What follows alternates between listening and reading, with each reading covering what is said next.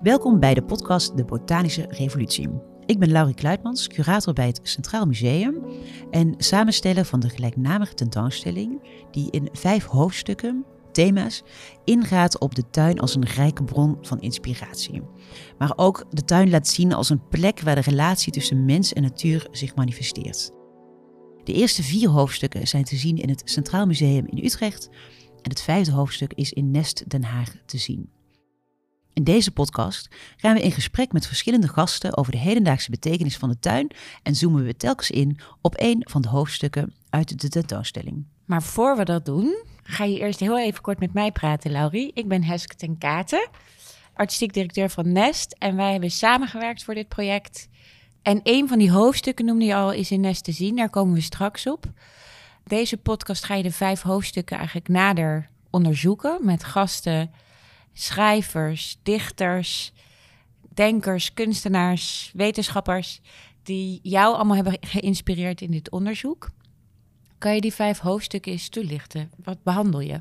Nou, beide tentoonstellingen beginnen eigenlijk bij de tuin en het idee van de tuin als een plek die misschien wel een toevluchtsoord is, maar nooit een, een plek van puur escapisme. Want een tuin is een eigenlijk een manier om een, een wereld te maken. En die wereld die maak je nooit alleen. Die staat altijd in relatie tot uh, de ander en, en in een grotere context. En in vijf hoofdstukken zoomen we steeds in op bepaalde elementen van die, van, van die tuin als metafoor. En we beginnen bij wat voor sommige mensen misschien wel gezien wordt als het begin van de tuin, namelijk uh, de tuin van Ede en het paradijs. En daarin kijken we naar de beeldtraditie uh, binnen de christelijke religie. Dus de, Adam en Eva in de tuin van Ede bijvoorbeeld. Maar we hebben ook steeds een soort van plot twist. Dus Adam en Eva zijn niet, bijvoorbeeld niet per se twee witte mensen. Of uh, een plot twist in de zin van het paradijs is eigenlijk helemaal niet een, een christelijke traditie, maar verwijst terug naar een Perzische traditie waarin het ommuring betekent. En in het tweede hoofdstuk de tweede zaal van de tentoonstelling in het Centraal Museum kijken we naar het hele alledaagse gebruik van de tuin. In de vorm van de voortuin, de achtertuin, eh, de volkstuin en de gemeenschapstuin. Um, daarin kijken we ook naar ja, eigenlijk die, die, die rol van een tuin in een uh, stedelijke omgeving bijvoorbeeld. Dan, dan kan, kan zo'n groene plek echt een toevluchtsoord worden, maar ook ja, de, een soort van therapeutische werking hebben. Je een andere tijdsbeleving geven, niet 9 tot 5, maar juist meer cyclische van de, van de natuur. In het derde hoofdstuk, uh, dat noemen we de botanische revolutie, kijken we eigenlijk naar hoe we door de ogen van de wetenschap naar de natuur hebben geleerd te kijken. Uh, hoe de natuur werd geclassificeerd. In het vierde hoofdstuk zoomen we in op tuinieren in het Anthropoceen. Uh, het Anthropoceen zijnde het tijdperk waarin we nu zouden leven, namelijk het tijdperk waarin de mens die natuur eigenlijk helemaal is gaan domineren en uitbuiten ook. Een tijdperk dat ons ehm, ja, ook vraagstekens doet stellen natuurlijk over de klimaatcrisis waar we nu ehm, mee te maken hebben. En het vijfde hoofdstuk de revolutionaire bloemen is te zien in Nest. En daarin uh, staat de hoofdvraag centraal. Is het mogelijk om van bloemen te houden en revolutionair te zijn? Ja, daar komen we later op. Dus in, en als ik het goed begrijp, is dus elk hoofdstuk waar jij allemaal kunstwerken bij hebt gevonden, ook nu in deze podcastreeks een gesprek. Ja, precies. Dus we kijken eigenlijk steeds naar ja, een deel wat we niet in de tentoonstelling of niet in de publicatie per se aan bod konden laten komen. Uh, maar wat we wel verder willen delen met uh, de, het publiek, de luisteraar uh, van deze podcast. Om eigenlijk net een beetje het verhaal eronder en erachter te kunnen vertellen. En je hebt de titel en eh, ook een aflevering van de podcast heet zo De Botanische Revolutie. Waarom revolutie en niet traditie of geschiedenis van de botanie, maar waarom de revolutie van botanie?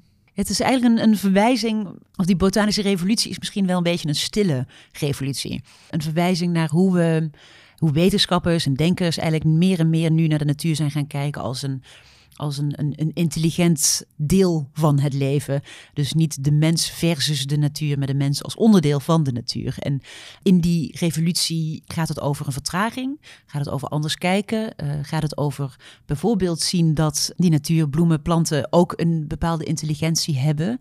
Of dat uh, er heel veel dingen zijn die wij niet waarnemen. Dus bijvoorbeeld ehm, het hele systeem van, van wortels en mycorrhiza uh, onder de grond, uh, in bossen en hoe die met elkaar communiceren en ehm, een belangrijke bijdrage leveren aan het ecosysteem. Dus deze revolutie is er eentje die ja, misschien heel stilletjes uh, verloopt, maar wel ook noodzakelijk is om na te denken over deze, deze klimaatcrisis.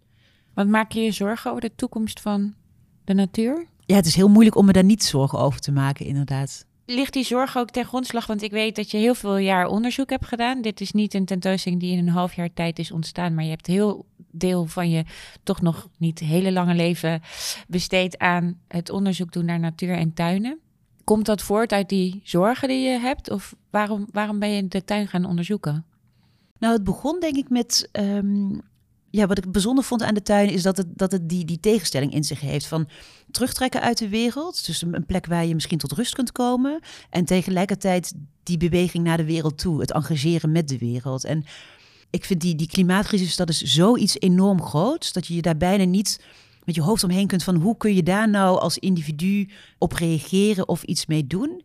En voor mij werd die tuin een steeds duidelijkere plek waar je daar misschien een soort van eerste stap in kunt maken.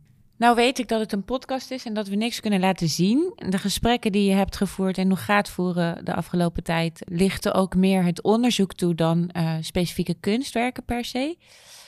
Maar toch, als je de luisteraar heel even meeneemt naar twee of drie werken uit de tentoonstelling... wat, wat kun je verwachten als je de tentoonstelling bezoekt, Laurie? Nou, ik denk een van de, de eerste dingen is misschien goed om te, te weten... is dat uh, de tentoonstelling begint met kunst die nu gemaakt is... maar eigenlijk ook steeds terugkijkt naar waar die kunst en die tradities zijn wortels in hebben. Dus we laten bijvoorbeeld uh, 16e, 17e eeuwse schilderijen zien, naast een werk dat uh, nou ja, een paar jaar geleden werd gemaakt. Een voorbeeld is bijvoorbeeld een, een, een, schilderij van de meester van Paulus en Barnabas uit midden 16e eeuw uh, van Adam en Eva. Ja, wat op een hele idyllische, lieflijke manier het verhaal vertelt. Uh, en dat samen met een, een schilderij van uh, Carrie James Marshall wordt getoond. En um, Carrie James Marshall verbeeldt twee zwarte mensen die ja, eigenlijk wegrennen uit een soort van korenveld. Dus dat is een tegenstelling of, een, of een combinatie van beelden die die traditie openbreekt eigenlijk. Een ander werk wat denk ik heel tekenend is, ook voor de, voor de titel van de tentoonstelling over de noodzaak van tuinieren, uh, is een, een reeks van foto's die uh, Henk Wildschut maakte. En hij fotografeerde al een hele tijd in, in verschillende vluchtelingenkampen over de, ja, in, in, in Beirut en in um, Calais bijvoorbeeld. En hij zag dat hoe langer die mensen in deze kampen moesten verblijven, hoe meer en meer ze eigenlijk uh, tuintjes aan gingen leggen. En niet per se tuinen om groenten te verbouwen, maar echt tuinen als een soort van ja, herinnering aan thuis. Bijvoorbeeld een, een foto van een, een roos in een blikje.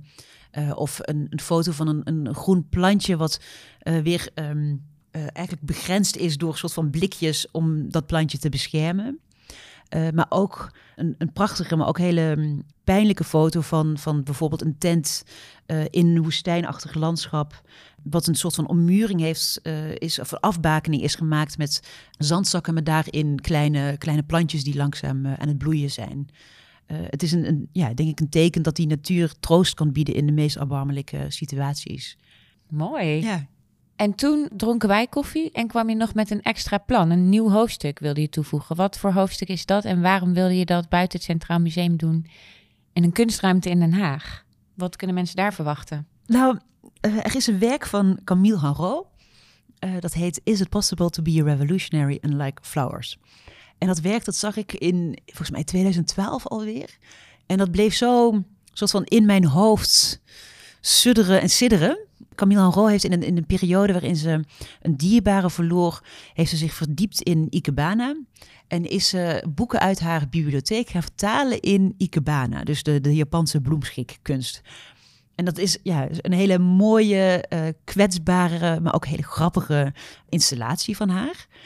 Uh, en die installatie, maar ook zeker die titel, kun je van bloemen houden en revolutionair zijn, uh, dat, dat bleef me gewoon bij. En ik dacht, het hoort zo bij dat, dat, bij dat vraagstuk ook over die tuin en over ja, ook wel vooroordelen, denk ik, van, van ja, dat het tuinieren misschien wordt gezien als iets een beetje truttigs. dat bloemen misschien eigenlijk heel erg geassocieerd worden met het vrouwelijke. En het voelde heel logisch uh, als onderdeel van dat grotere onderzoek, maar ook echt als een hoofdstuk aan zich. Dus dat werk van Camille Henrot werd eigenlijk een soort van lens, waardoor um, ik eh, ging kijken en langzaam ook samen ging kijken met jou, Heske, en um, met Eva Burgering, uh, de uh, assistent-curator van, van de tentoonstelling bij Nest. Het gekke is, als je eenmaal die lens opzet, zie je heel veel kunstenaars hedendaagse kunstenaars die werk maken met bloemen. En vooral ook um, nou ja, niet-mannelijke kunstenaars die daarmee bezig zijn. Uh, dus dat onderzoek uh, werd eigenlijk als vanzelf een tentoonstelling aan zich. En in Nest laten we dus alleen maar hedendaagse kunstenaars zien die ofwel speciaal werk voor de tentoonstelling hebben gemaakt of uh, bestaand werk laten zien. Ja, daar gaan we net in de allerlaatste aflevering uitgebreid over hebben. Over wat voor werken dat dan zijn en wat voor revoluties er nu nog in deze tijdgeest bevochten moeten worden. Als het gaat om positionering, censuur, het destigmatiseren van bloemetjesbehang. En uh, hoe poëtisch en dramatisch bloemen soms een geschied, geschiedenis, soms persoonlijk, soms heel groot kunnen symboliseren. Maar nu eerst de andere vier hoofdstukken. Veel luisterplezier allemaal. En dank Laurie voor deze introductie. Dankjewel Heske.